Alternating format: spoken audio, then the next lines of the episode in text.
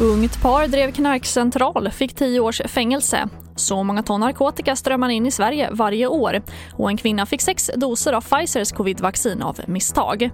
Ja, här är TV4-nyheterna som börjar med att ett ungt par döms till tio års fängelse för att ha drivit en knarkcentral från en skärgårdsö i Östhammar kommun, det rapporterar Sveriges Radio.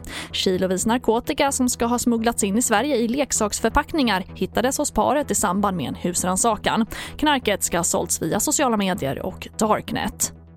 Och vi fortsätter på samma ämne för narkotikasmugglingen i Sverige är mer omfattande än vad man tidigare trott. Det har kommit fram efter att polisen gått igenom den krypterade kommunikationsplattformen Encrochat. 100-150 ton narkotika. Så mycket droger förs årligen in till Sverige enligt polisens beräkningar. Tidigare studier har gjort uppskattningen att det rört sig om 15 ton. Men den nya bild som polisen ger kan alltså tiofaldiga mängden narkotika.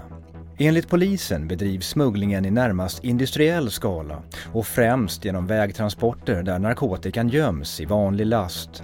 Slutdestinationen är storstäderna Stockholm, Malmö och Göteborg men även flera mellanstora städer. Och reporter här var Thomas Laufs. Och vi avslutar med att en 23-årig kvinna i Italien ska ha fått sex doser av Pfizers covidvaccin av misstag, det rapporterar Agencia Italia.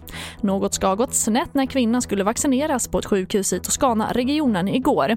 Istället för att ta ut en dos ur vaccinflaskan i sprutan togs hela innehållet ut, vilket motsvarar sex doser av vaccinet. Kvinnan är nu under observation efter misstaget och ska må förhållandevis bra efter händelsen.